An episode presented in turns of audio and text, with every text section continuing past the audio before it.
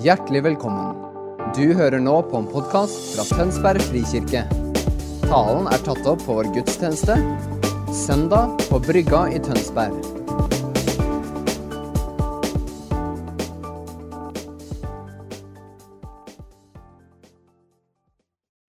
Takk, himmelske Far, for at i dine hender er vårt hjerte trygt. I dine hender finner vårt indre fred. Herre, nå løfter vi våre hjerter til deg. Du ser den uka som ligger bak. Du ser livet våre. Du ser hva som har eh, fanget oppmerksomheten vår, hva som har strømma gjennom tankene våre. Og følelsene våre har vært fokusert på. Herre, nå løfter vi det alt sammen opp til deg. Og takker deg, Herre, for løftet i ordet ditt om at når vi løfter alt som er på vårt hjerte, framfor deg i bønn og påkallelse med takk, så vil du med din fred bevare oss, hjerte og tanke, i deg, Jesus. Takk, Herre, at du er Gud, og vi er ikke. Du bærer all verdens skyld, og vi kan ikke. Men du kan. Takk, Herre, at all verdens nød og uro, og våre livs nød og uro, har du bærekraftig, og vi har ikke. Hm. Og allikevel så velsigner du oss med all herlighet, all nåde, all sannhet og alle åndelige gaver for å sende oss ut i en virkelighet hvor mørket må gi tapt fordi at ditt lys går med. Herre, vis oss hvilken nød du kaller oss til å møte. Hvilket mismot du kaller oss til å erstatte med håp. Hvilke sår vi kalles til å helbrede med kjærlighet.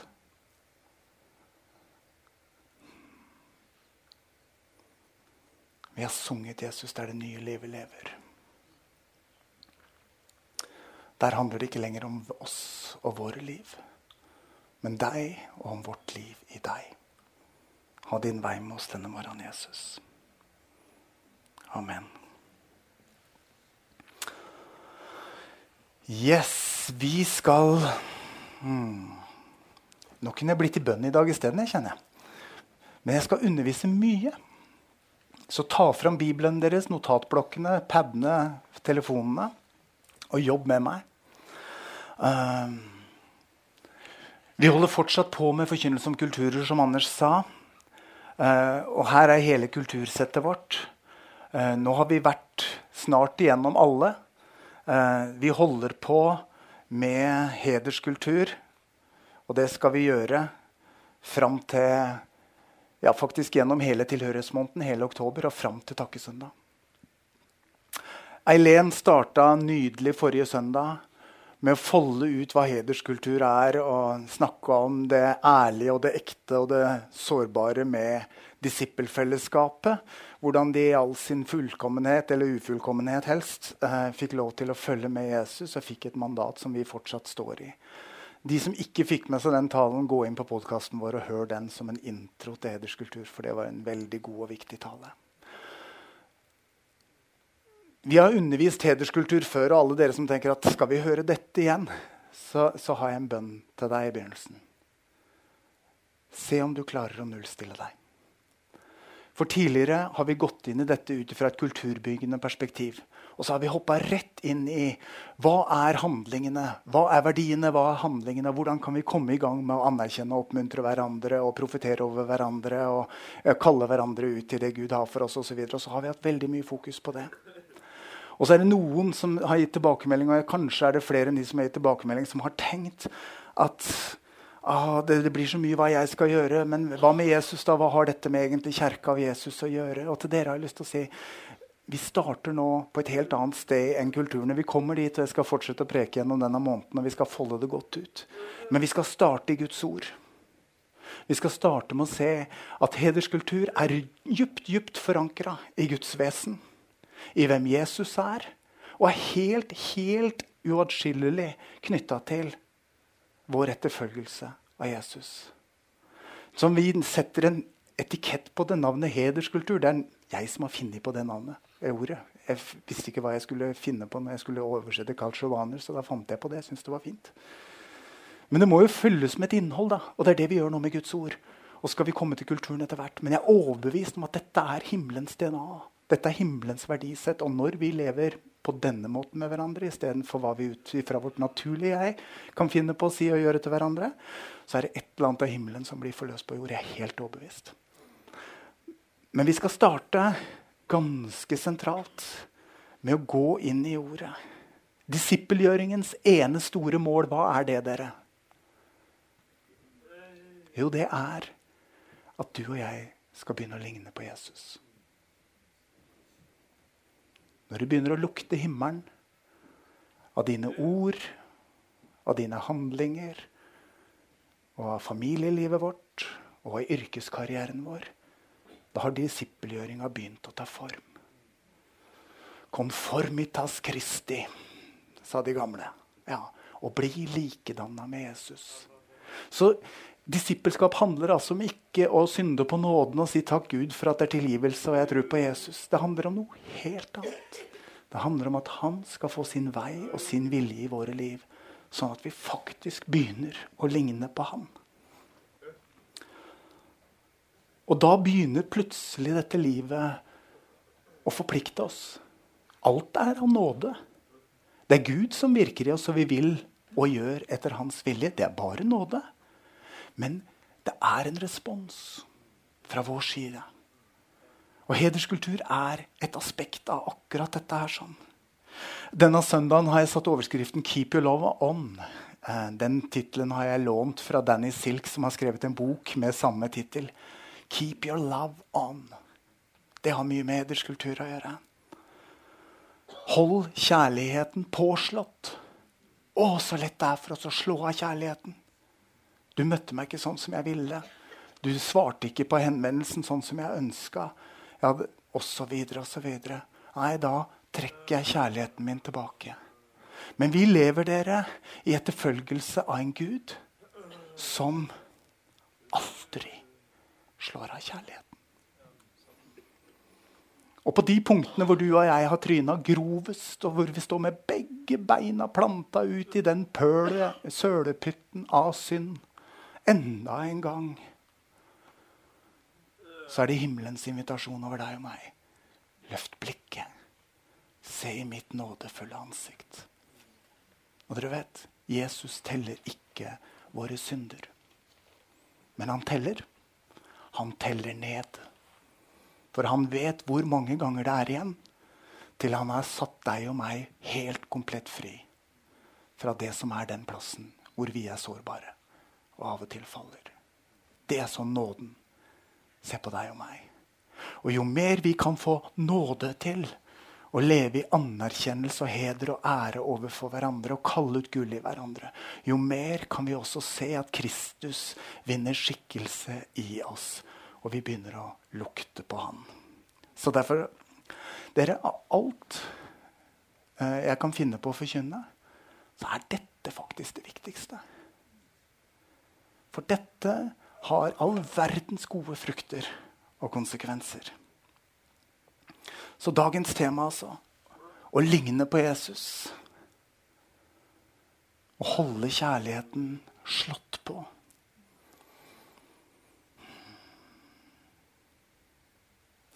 Dere, vi hadde om identitet, om eh, sønnekår eller barnekår og sønne- og datterstatus i, i bibelskolen siste uke. Det var en nydelig uke. Og da brukte jeg et ordpar som eh, er henta fra, tror jeg, fra Nådens gåte av Philip Jensi. Det er ingenting du kan gjøre for å få Gud til å elske deg mer enn han gjør akkurat nå. Len deg litt inntil den. Du som tenker at du må jobbe for å fortjene. Eller som sitter litt stolt fordi du har levert så godt den siste tiden og regner med at nå har du fått fisk i garnet. Det er ingenting som kan få deg, ingenting du kan gjøre for å få Gud til å elske deg mer enn han gjør akkurat nå. Og så er det noe annet som er like sant. Det fins ingenting du og jeg kan gjøre som kan få Gud til å elske oss mindre enn han gjør akkurat nå. Og det er til deg som sitter fast i synd, og som kjenner på nederlag, og som tenker at nå er jeg svikta igjen, og som strever med å leve det livet du egentlig vil. Det fins ingenting.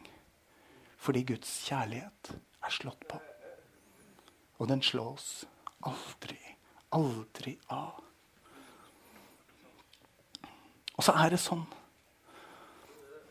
at det som er sant om Jesus, også er sant om hans kirke, som er hans kropp i verden. Når Jesus nærmer seg slutten av sin tre år lange tjeneste, så sier han på en måte med showbiz-term The show must go on, guys. Det slutter ikke her. Jeg skal sende talsmannen. Han skal fortelle, han skal gi, ta det som er mitt, og gi til dere. Og Johannes 17, Jeg lurer på hvem av de som snek seg inn og lytta på Jesu bønn. Det er det jeg har lurt på mange ganger. For dette er jo Jesus sin bønn i Getsemane rett før det går gærlig. Eller går riktig, men det går jo gærlig. Skjønner du hva jeg mener? Så, så, der ligger han og ber på kne og svetter blod. Og så ber han disse orda. Jeg tipper det er Peter, eller kanskje det var Johannes som elska ham. Det var iallfall Johannes som skrev det ned. Den herlighet, far, som jeg har fått av deg, har jeg gitt til dem. Hver gang jeg tenker på det, dere, så sprenges min fatteevne. Jeg kjenner at ånden min gjør et byks i meg. Den herlighet som far krona Jesus med, har han gitt til oss. Hvem er vi da til å slå av på krava og si at det er greit å synde på nåden? Jeg mener ikke å skamme noen, men jeg mener bare å løfte dere opp til den verdighet dere allerede har. Dere er ment å bære herlighet og ære for Guds rike og for verdens skyld. For verdens skyld. Det kommer jeg tilbake til. Ja I det jeg skal gjøre i dag, så kommer jeg til å låne fire steg og jeg hører mye på Bridgetown, hvor John Mark Comer en gang var hovedpastor. Nå er det Tyler Staten som er hovedpastor der. Og for de av dere som er ukjent med terminologien, så er dette Bible Hub, eh, Bible Project sin menighet. Det er de folka som gjør Bible Project, som er der. Veldig spennende. De går det er karismatiske, de går etter gavene. Og samtidig er de superforankra i Guds ord, da, siden de har liksom verdens bibelnerder i sin egen kirke. Eh, men alltid når de folder ut viktige temaer, så tar de disse stega. Fordi at det vi handler om, kan ikke bare være en individuell når jeg og Jesus alene er greie. Og det kan ikke bare være for Tønsberg frikirke. Det vi legger vekt på, forkynner og snakker om, må være forankra i hvem han er, og hva han holder på med. Og da gjør vi alltid lurt i å gå veldig langt tilbake i boka, til skapelsesberetningen. Hva var det han egentlig tenkte? Hva var intensjonen? Hvordan starta det? Hva skjedde når ting ramla og vi fikk fallet? Og hva er Guds vei til forløsning, til gjenopprettelse, til legedom? Og så hva er det framtidige håpet? Når vi jobber med temaet på de skritta, så begynner vi å få tak i hva er Guds intensjon. Og jeg skal jobbe med dere på hederskultur i de stega. Skapelsen. Hva tenkte Gud egentlig den gang da alt begynte?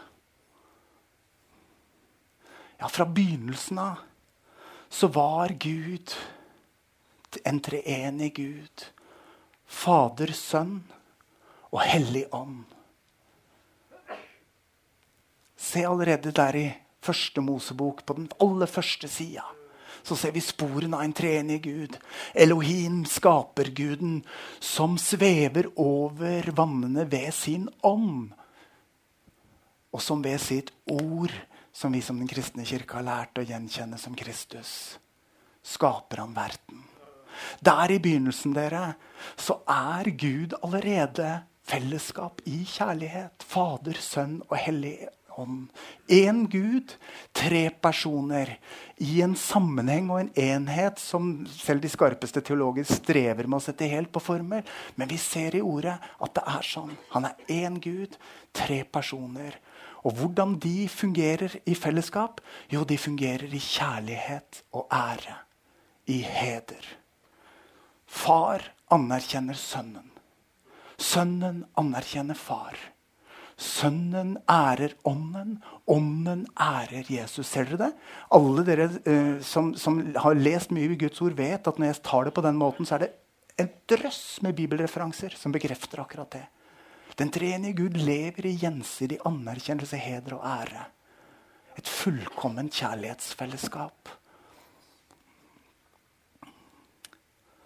Og så skaper Gud så skaper han mennesket sitt bilde. Han skaper oss. Og teksten sier til mann og kvinne skapte han dem. Gud velsigna dem og sa til dem, vær fruktbare og bli mange, fyll jorda og legg den under dere. Og det er for smalt å lese dette som en tekst om ekteskapelig hygge. Dette er et kulturmandat. Dette er et mandat om å fylle jorden, bygge fellesskap og bygge kultur. Er dere med? Befolke jorden og være det han har skapt oss til å være. Hva da? Et avbilde av Gud. Det var aldri ment at vi skulle kunne unnskylde oss med at nei, jeg er ikke helt Jesus heller, da. Ja, det er søren ikke langt unna. Hvis du lar Ånden fylle deg og jobbe med deg. Fortsatt menneske. Bare Jesus er Jesus. Men ikke bruk det som unnskyldning, vær så snill, fordi at vi ble skapt med en intensjon om å speile Han av. Og fellesskapet mellom oss var ment å speile hans fullkomne kjærlighetsrelasjon i verden.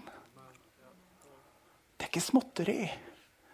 Og vi har vært opptatt av at når vi tror og blir født på ny av Den hellige ånd, så adopteres vi inn i dette fellesskapet. Og det er sant. Og det har vi altfor ofte tenkt på individuell plan. I dag er jeg opptatt av fellesskapsperspektivet.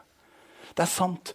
Vi suges inn i denne relasjonen til den treenige Gud, i fullkommen kjærlighetsrelasjon. Men i det samme øyeblikket som vi vertikalt kobles på Gud og Guds hjerte, kobles vi også på familie relasjonelt. Og det er der hederskultur blir så viktig. Og det er det jeg skal male ut. Men så går det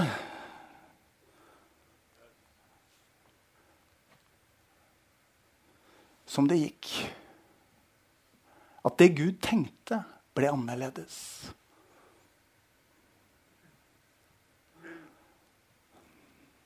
Allerede på neste kapittel, kapittel 3,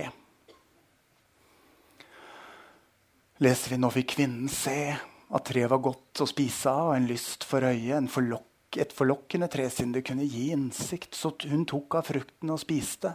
Hun ga også mannen sin, som var sammen med henne, og han spiste. Syndefallet, dere, har den effekten på skaperverket at tilliten til Gud svekkes. At Guds gode intensjon og vilje og plan trekkes i tvil, har Gud virkelig sagt. Dere kjenner igjen styggen dere òg i deres eget indre. Er det noe så farlig, da? Hvem får vite det? Sant? Og så handla Eva på den løgnen hun sa ja til i sin tanke.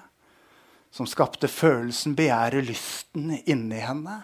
Og så fikk henne til å strekke fram hånda og ta. Og djupest sett dere, er den grunnleggende løgnen som fører synda inn i verden, at vi ikke stoler på Gud, men tar kontrollen sjøl og griper etter det vi vil ha, istedenfor å ta imot det vi får.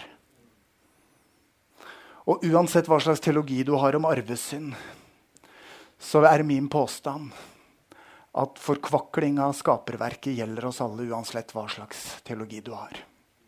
Og den har både vertikale konsekvenser og horisontale konsekvenser. Og det er det jeg ønsker å male ut for dere i dag.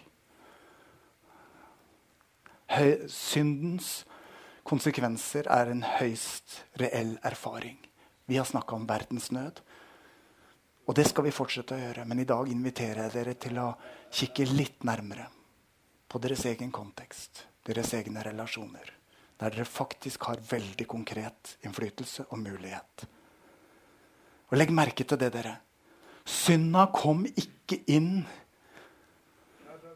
i det enkle livet Adam hadde framfor Guds ansikt alene.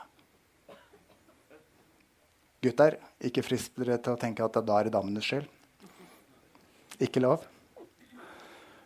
Men synda kom inn i den komplekse virkeligheten det er når mennesker lever i relasjon framfor Gud og møter fristelse.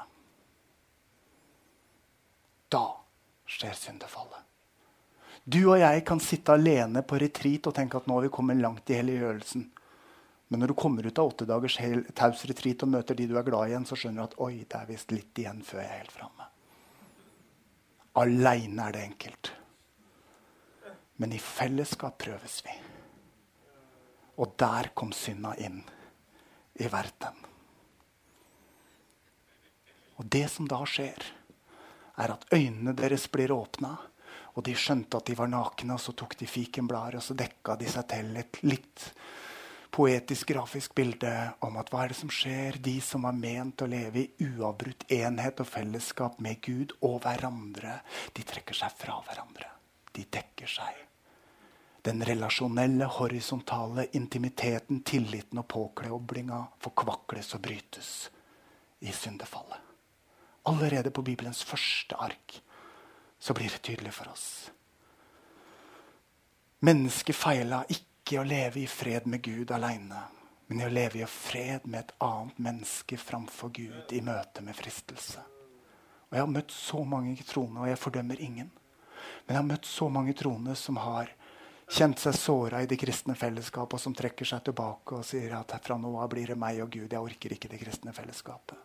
Men mitt budskap til dere er vi har ikke noe valg. Kristenlivet er et liv i fellesskap. Og det henger nøye sammen med det kulturmandatet vi har. Til nettopp å elske der vi møtes med noe annet. Nettopp det å bringe lys i mørket. Nettopp det å møte det som er vanskelig, med kjærlighet istedenfor med mer av det samme. Ref. teksten Anders leste for oss. Og dette er sanne ord som det er enorm vekst i. Men det krever modighet å ta disse orda innover seg og la Guds ånd jobbe med dem for vår egen del. For det angår oss alle sammen. Den gamle sangen vet du, 'Når jeg og Jesus aleine er', da er det hugnad å leve her. Ja. ja. Kan du oversette, sier riksmålsdama. Jeg, ja, men det er mange av dere som kjenner den sangen. ikke sant? Og, det, og det er jo helt sant. og Det å søke inn i, i Gud Faders nærhet osv. Det er jo den åndelige realiteten av å kjenne seg dekka av Guds nåde. Det er fint. Men vi er aldri kalt til å følge Jesus aleine. Alltid i hans familie. Og da blir hederskultur ekstremt viktig. Synden er en virkelighet med både vertikale og horisontale konsekvenser. Det er ikke mulig å synde og bare Vi har ofte hatt fokus på å, nå har jeg synda, og så gjør det noe med mitt forhold til Gud. Ja, men hvis du er ærlig med deg selv, så se etter hva det gjør med relasjonene dine. Og vær mer opptatt av det. Forholdet ditt til Gud kan aldri gå i stykker, men det kan de relasjonene. Disse kan du gjøre noe med. Dette har han gjort noe med. Da er det ganske innlysende hvor vi bør bruke vår energi.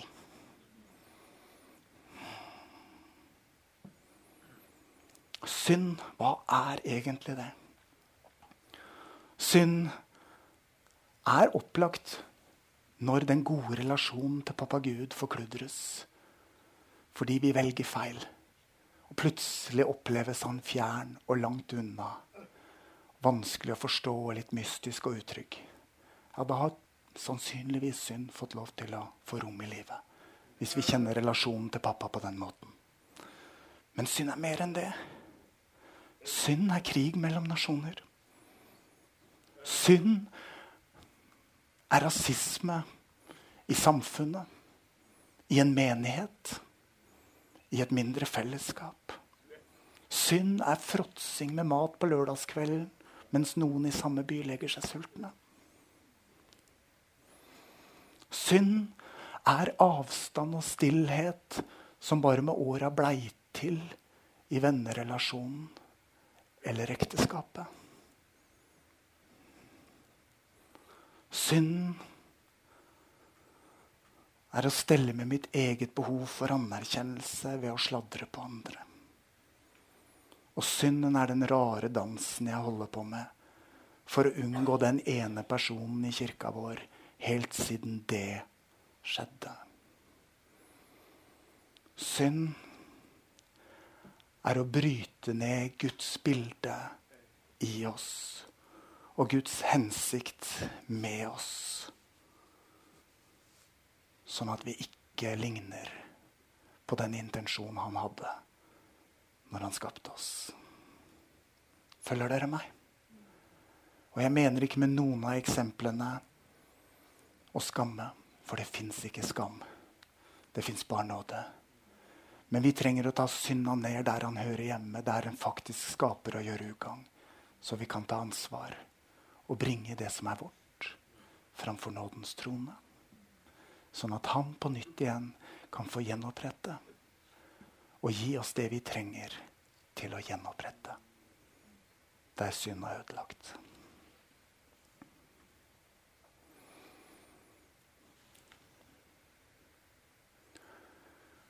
I kapittel 4 i første Mosebok fortsatt, dere, så ser vi enda en konsekvens av syndefallet. Da sa Herren til Kain, 'Hvor er din bror Abel?' Han svarte, 'Jeg vet ikke. Er jeg min brors vokter?' Et retorisk spørsmål som klinger gjennom hele sivilisasjonen etter ham.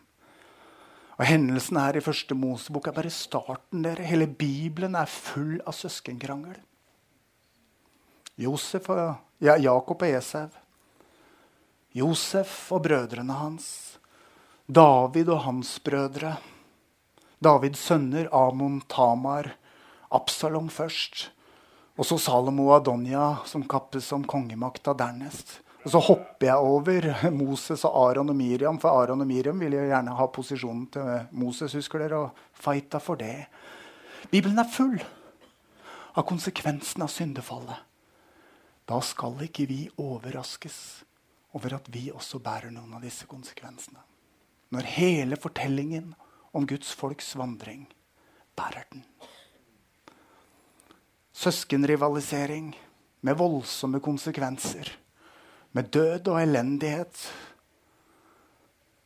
Og med ødeleggelse av skaperens intensjon. Å leve sammen og være Guds bilde på jorda. I et fellesskap båret av fullkommen kjærlighet. Midt i en verden full av synd. Det er skaperens mål med oss.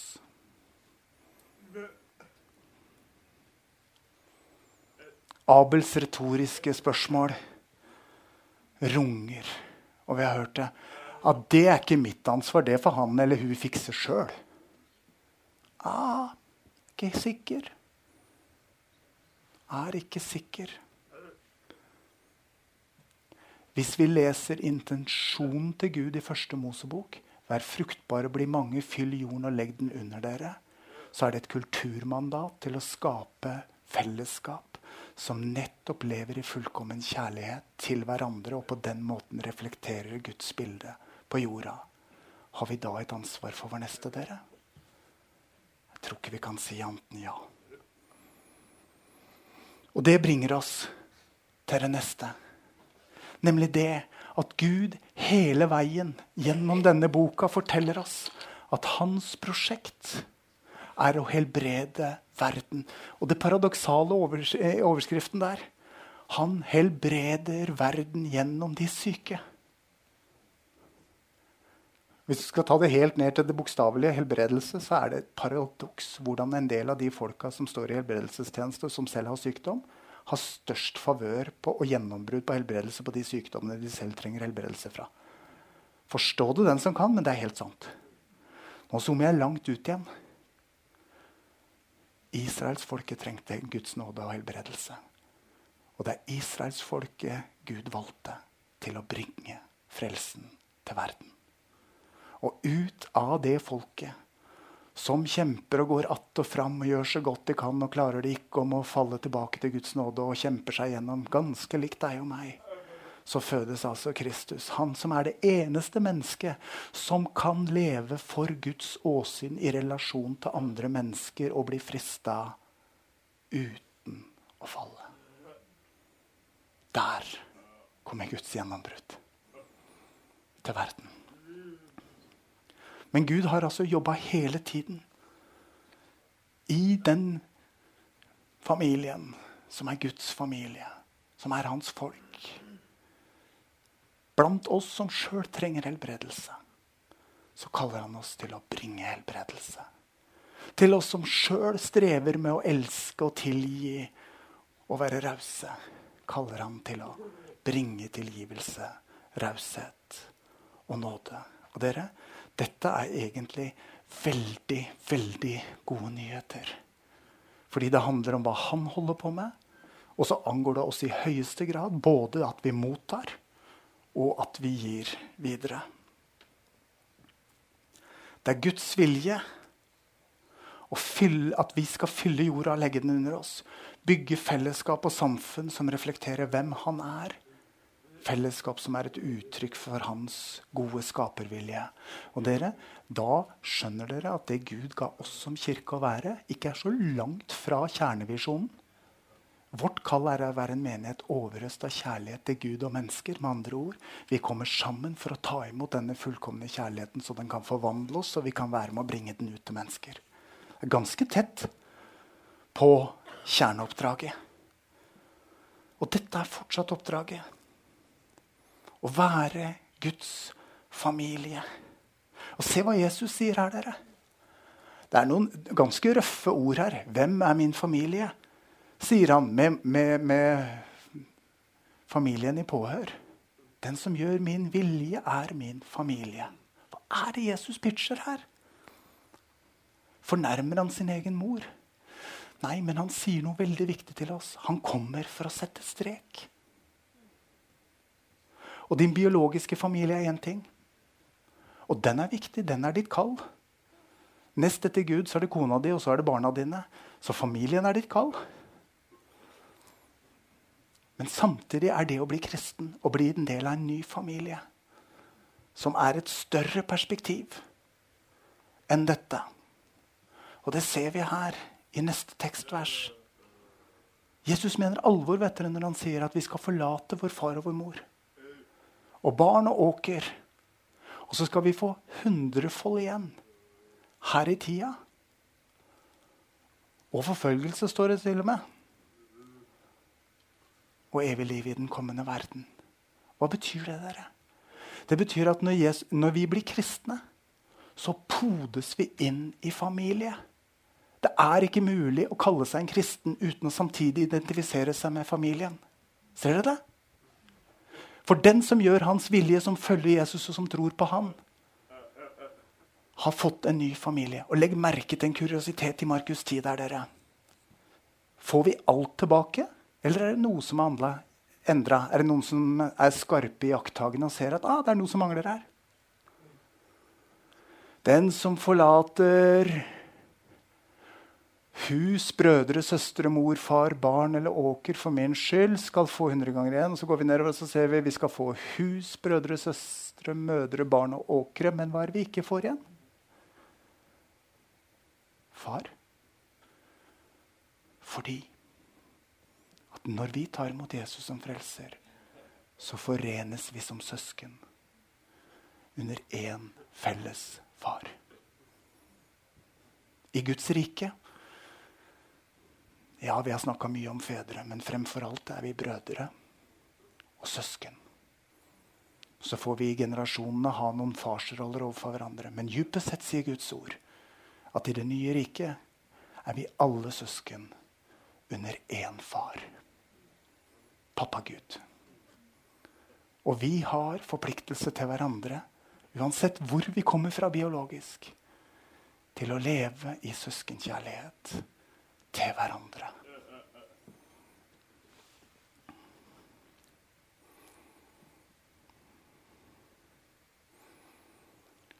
Og da kommer vi til denne teksten som Anders leste. Som blir veldig relevant. Anders leste den, så det skal ikke jeg gjøre. Men fokus i denne teksten er på det vi, Jesus gjorde, og som vi skal gjøre. Nemlig at vi skal møte mørke med lys. Løgn med sannhet. Hat med kjærlighet. Hvorfor? Fordi Gud velger å helbrede verden gjennom oss som trenger helbredelse. Fortsatt. Er dere med? Dette er vårt prosjekt. Å faktisk ta imot den kjærligheten som gjør oss i stand til å møte ikke med samme mynt, men med himmelens valuta. Kjærlighet og nåde og fred. Å møte det som gjør vondt, det som sårer, det vi skulle ønske var annerledes. Og stå fast i at vi har gitt fra oss retten til å anklage. Og vi har sagt ja til kallet til å bringe forsoning, gjenopprettelse, legedom og kjærlighet. Noen ganger dere føles det som å dø fra seg selv når du er krenka eller såra. Er du med? Det gjør det. Og ingen kan kreve det av deg. Men Jesus inviterer deg til å ta opp ditt kors og følge ham. Til å dø fra deg selv og leve med ham. Og det jeg sier nå, er ikke en blankofullmakt for overgripere og krenkere til å ture fram. Ikke hør meg dit hen. Men jeg snakker om hva vi i alminnelig forstand kalles til i etterfølgelse av Jesus. Har vi sagt ja til Jesus, så har vi også sagt ja til å bringe kjærlighet der hatet rår. Jan Helge leda bønnemøtet i dag og leste Frans av Assissis bønn som innledning til bønnemøtet. La meg være opptatt av ikke så mye å bli elsket som å elske. Ikke så mye å bli trøstet som å trøste, osv. osv. I vers 48 her så er det jo ikke et lite ideal, og det knytter seg til Johannes 17, som jeg sa til dere. Vær da fullkomne. Opp med handa de som tenker at da er vi framme. Nei, men det er på alvor. Den herlighet jeg har fått av far, har jeg gitt til dem. Hver dag fullkomne. Dette inviterer oss altså inn til en vei som er den vakreste av de alle. Hvor himmel blir virkelig på jord. Og det koster noe for hver og en av oss når vi sier ja til å gå den veien. Men vi får hundrefold igjen. Her i tida og i den kommende. Jeg lover dere. Vi forlater vår biologiske familie, og vi får en bunch av søsken. Vi forlater vår egen private økonomi, og vi får en menighetsfamilieøkonomi. Det er i hvert fall mye mer enn jeg rår over. Og vi forlater min, mitt imperium av min karriere og min målsetting. Og så får jeg Guds rikets målsetninger og økonomi.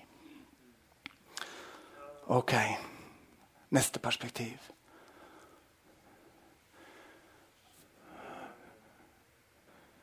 For Gud er frelse, og i Bibelen er frelse et mye større prosjekt enn at du skal tro på Jesus, få tilgivelse for syndene og håpe at du kommer til himmelen. Det er ikke frelse i bibelsk forstand. Det er en reduksjon. Og Hvis du har trodd at det er det det er, så ber jeg deg lytt først til meg, dernest til Den hellige ånd, og gå hjem og lese ordet. Prosjektet er mye større.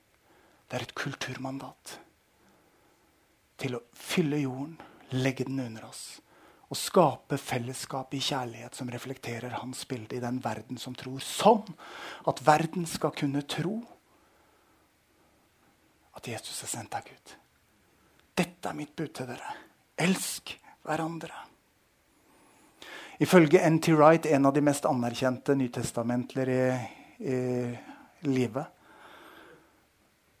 så er frelse og overgivelse til Jesus synonymt med å bli en del av en ny familie. Og det er da å ta på alvor at syndet har både vertikale og horisontale konsekvenser. Og Derfor har også frelsen vertikale og, øh, og horisontale konsekvenser. Så når jeg får livet mitt ordna med Gud, så kalles jeg også til et liv i forsoning med mine søsken. Og med den verden som ennå ikke tror. Og så er det det med kjærligheten, og som er en del av Guds vesen. dere. Kjærlighet kan ikke kreves og kan ikke tas, kan bare gis og tas imot. Pappa Gud gir, Jesus gir, Den hellige ånd gir, uten å kreve. Han gir og gir og gir og gir. Hvis vi gir med forbehold, så krever vi egentlig ok, du kan få dette, men da forventer jeg tilbake. Nå har jeg vaska opp for deg, nå regner jeg med at du tar og støvsuger bilen. sånn som vi var enige om. Det er forhandling og avtale. Ytelse og motytelse det er ikke kjærlighet. Det er i beste fall forhandling og kontrakt. Kjærligheten er 'jeg gir fordi jeg elsker deg'. Jeg uttrykker mine behov til deg, og du har et valg i kjærlighet om du vil møte meg eller ikke. Hvis du ikke møter meg, så har jeg ikke rett til å anklage deg, for kjærligheten krever ikke. Men jeg gir fordi jeg elsker, og kjærligheten er et valg. Sånn er Gud. Og dette skal jeg snakke mye mer om neste gang. Nå skal vi holde oss i ordet. For da er vi over i det kulturskapende. Hva, hva er liksom greia for oss, da? Jeg gleder meg til det også. Jeg sier ofte når jeg forbereder folk på ekteskap Forelskelse går helt av seg selv. Engelskspråk hjelper oss med det. To fall in love det er noe vi bare faller ramler inn i, og så er det der. Det er kjempeenkelt. Men kjærligheten, den er et valg. Kjærligheten er ikke nødvendigvis tufta på gode følelser. Selv om kjærlighetens valg kan skape og forløse mange gode følelser, så er den forankra i et valg. Jeg vil. Johannes av Korset, en av kirkens tidlige tenkere, eh, skriver om den elskende viljen. Vi tenker at det er to forskjellige ting. Men i kristen tradisjon er det akkurat det samme. Gud vil, og han ombestemmer seg aldri. Og han inviterer deg med på den kjærlighetsvandringa hvor vi vil. Hvor vi vil fellesskap, hvor vi vil menighet, hvor vi vil kirke, hvor vi vil familie. N.T. Wright igjen sier at kirke kan defineres som fellesskap gjennom kriser. Som menneskelig fellesskap av mennesker som trenger helbredelse, og som samtidig har kallet til å bringe helbredelse til den verden som rives av konflikt og ødeleggelse, løgn og usannhet. Frelse må forstås som et fellesskapsprosjekt. Bare en liten teaser her. Dette skal jeg bruke mye mer tid på neste gang, så nå går jeg inn for landing. Uh, her tipser jeg om en bok som jeg ikke har lest. Det er scary, men uh, det er Portland Community, uh, Bridgetown, som tipser om det. De har bygd, bygd sin serie om fellesskap på den boka. Derfor så våger jeg ta den opp. Jeg skal bestille den og lese den selv. Tittelen when the church was a family. Paulus også tar opp tråden fra Jesus og snakker om den nye familien til Jesus. Dere, det, Kirke er ikke noe annet enn en sosiopolitisk revolusjon. Dere er klar over det? Det er en ny verdensorden. Guds plan for forvandling. Av og til har vi redusert det til at jeg skal komme, kjenne at jeg får trøst og bli oppmuntra til å ta fatt på en ny uke. Det er en del av det. Men jeg inviterer dere til å utvide bildet, så dere får tak i Guds prosjekt. Av et Guds rike et allerede ennå ikke, som handler om å være Guds familie. Et bilde på Guds fullkomne kjærlighet. Midt i en verden som rives av ødeleggelse. Og velge å forankre oss i fullkommen kjærlighet. Og gi det, la det flyte mellom hverandre. Sånn at det begynner å lukte og smake av Jesus mellom oss. Å være en familie som fyller jorda og legger den under oss, handler om å stå i denne skapende kjærlighetsrelasjonen. Og det er attraktivt. Vi trenger ikke kjempe for å bli relevante. Hvis vi som kirke dere får nåde til å leve og praktisere dette, så må vi finne på noe fort. Da blir vi mange. Da blir vi mange. Veldig mange. Og det tror jeg vi skal bli. Ikke fordi det er vår ambisjon, men fordi det er hans visjon. Et prosjekt som starta på pinsedag, og som fortsetter helt til han kommer hjem. Vi er midt i den forløsningsprosessen.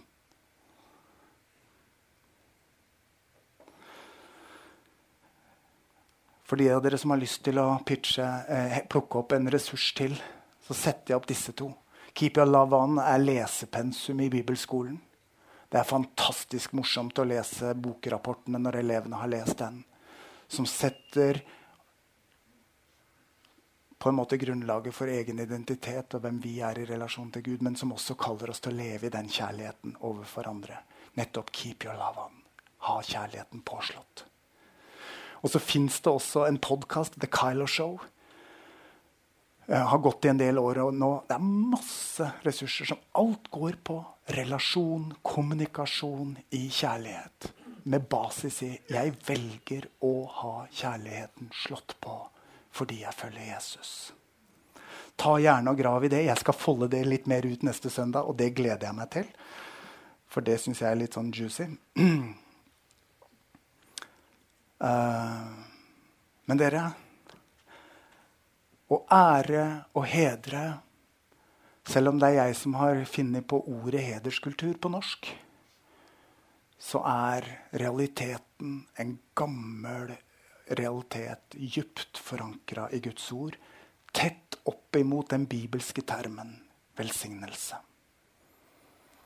Å ære og hedre hverandre handler om å sette ord på og si noe som er sant og godt om den andre, sånn vi ser den andre bære noe av Guds bilde i seg.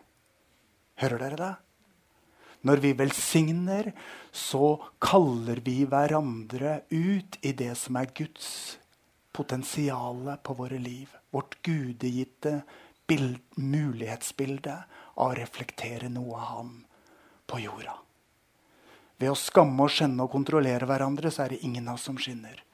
Men når vi elsker, anerkjenner, ærer og hedrer, så våger vi å tre fram og by på den delen av Guds bilde som bare du har fått nåde til å bære. Fordi at du er du. Og det ønsker vi å være en kirke som får til. Og det er noe annet enn oppmuntringskultur. Jeg vet Det er noen av kirkene i landet som har kalt det oppmuntringskultur, men det blir liksom sånn hipp hurra, og, og, og, jeg heier på deg. Og det er fint, det må dere gjerne gjøre. Men dette er profetisk i sitt vesen. Og det er skapende i sitt vesen. Når vi velsigner hverandre ut ifra den nåde som Den hellige ånd gir oss, så er det Gud som skaper den forandringen i oss, som gjør at vi speiler Han. Og Et veldig godt eksempel kan være Jan Helge. Du er alltid så grundig og god i dine taler. Det taler til Jan Helge som forkynner, og det peker på en prestasjon. Noe han er flink til. Men hvis jeg isteden sier Jan Helge, du er en kjær mann i vår menighetsfamilie, og din trofasthet overfor denne menighetsfamilien velsigner vår kirke og menighetsfamilien. så snakker jeg til mennesket. Og det er sant. Ja, da har det kanskje noe med Gud å gjøre, da, bror. Det første er prestasjon. Det andre gir oss identitet. Velsignelse og hederskultur handler om hvordan vi kan samarbeide med Gud for at hans prosjekt av å være en familie som speiler ham på jorda, hvor vi lever framfor Gud i relasjon til hverandre også når fristelser byr seg til selvhevdelse, ambisjon, karriere, misunnelse. You name it. Vi kjenner rekka. Og så er det tid. Dette er det siste jeg skal si. Jeg vet jeg strekker dere nå. Går det bra? Jeg skal lande straks. Amerikansk undersøkelse har vist at boklesing påvirker vår evne til empati mer enn filmer. Hvorfor? Fordi boklesing tar mer tid. Vi kommer dypere i personligheten og, og i skildringen, og vi får mer kjennskap og forståelse. Bøker øker vår evne til empati mer. En viktig del av hederskultur er å velge hverandre og å bruke tid med hverandre. Fordi du og jeg har brukt tid på, vært sammen med, ledd med, grått med, bedt for, kjempa med, de har vi større empati for. For vi kjenner de. Så når de av og til viser oss en unote eller to, så vet vi at dette er ikke hele bildet. Og vi fighter sammen for en annen virkelighet. Det er derfor vi gjør huskirker og små fellesskap. Det er derfor vi kommer sammen på tirsdager, enten vi er opplagt eller vi er trøtte, enten vi er stressa eller i fred, enten vi egentlig har tid til det eller ikke. Fordi vi bruker tid sammen. Spiser, deler ordet, ber sammen at vi har nettvær. Fordi at vi vil utvikle empatien, som er forutsetningen for kjærligheten. Siste bilde. I det edvardsenske hjem, jeg har aldri sagt før, det var tungvint så har vi to hustavler. De er ikke skapt intensjonelt og planlagt. Jeg skulle ønske jeg kunne si det. Men de har kommet inn i hjemmet sånn etter Guds ledelse opp gjennom åra. Men det er én tavle på det horisontale og én på det vertikale. Borterst der er vanskelig å lese. Der står det As for me and my house, we will serve the Lord. Det er vår familiecommitment i denne aksen. Den henger over peisen. Men på kjøkkenet, der henger denne. Being a family means you're a part of something very wonderful. It means that you will love and be loved for the rest of your life, no matter what. Dette er vår familiededikasjon. Og det gjør ekstremt sterkt inntrykk for Bergljot og meg å se at barna våre eier dette og lever dette nå i voksen alder i møte med oss. Og derfor tror vi også at de gjør det i møte med andre. Dette er det vi er. Ikke alltid det vi får til, men det vi har sagt ja til å ville være. Og ved Guds nåde går mot å bli stadig mer. Jeg hadde lyst til å si det til dere fordi det er det vår visjon som Tønsberg frikirke kaller oss til. Å være en menighet overøst av kjærlighet til Gud først. Til oss selv dernest. Til hverandre etter det. Og dernest til alle andre. Lovsangstimen kan komme opp. Så skal jeg undervise mye mer kulturbyggingen. Men med dette håper jeg dere har sett at hederskultur er djupt forankra i Guds ord. Er det kulturprosjektet han har kalt oss til, uansett hvilke ord vi bruker. Og så får dette bare konsekvenser, dere, om vi lar det få det. Og Derfor så setter jeg opp nå noen punkter til ettertanke som jeg har lyst til at dere skal lese og ta inn over dere. Ettersom dere får nåde til. Dele med noen dere er fortrolig med. Gå til Jesus med og jobbe med. For vi ønsker å være et fellesskap som har kjærligheten slått på. Cancel culture er et nytt begrep.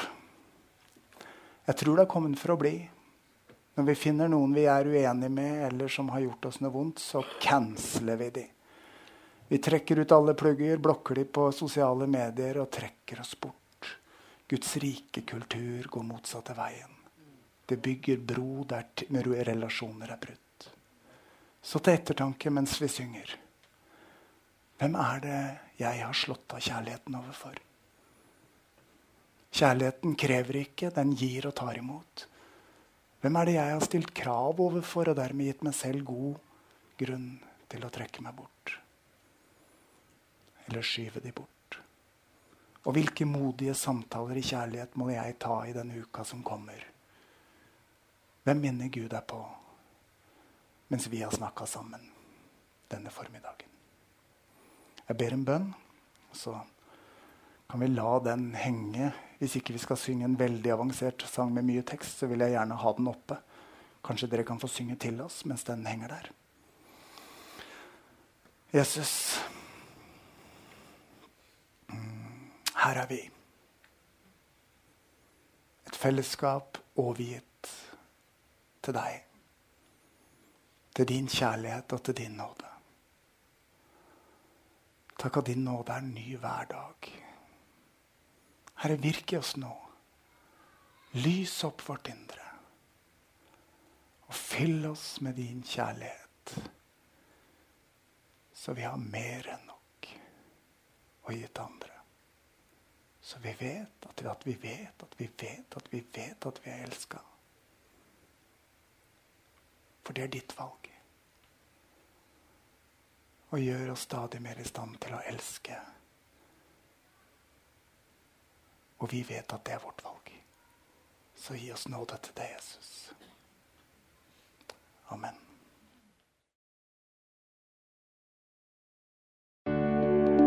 Takk for at du hørte på vår podkast. Har du spørsmål eller ønsker du å vite mer? Søk oss på vår nettside tonsbergfrikirke.no. Du er også velkommen til kirke på Brygga i Tønsberg.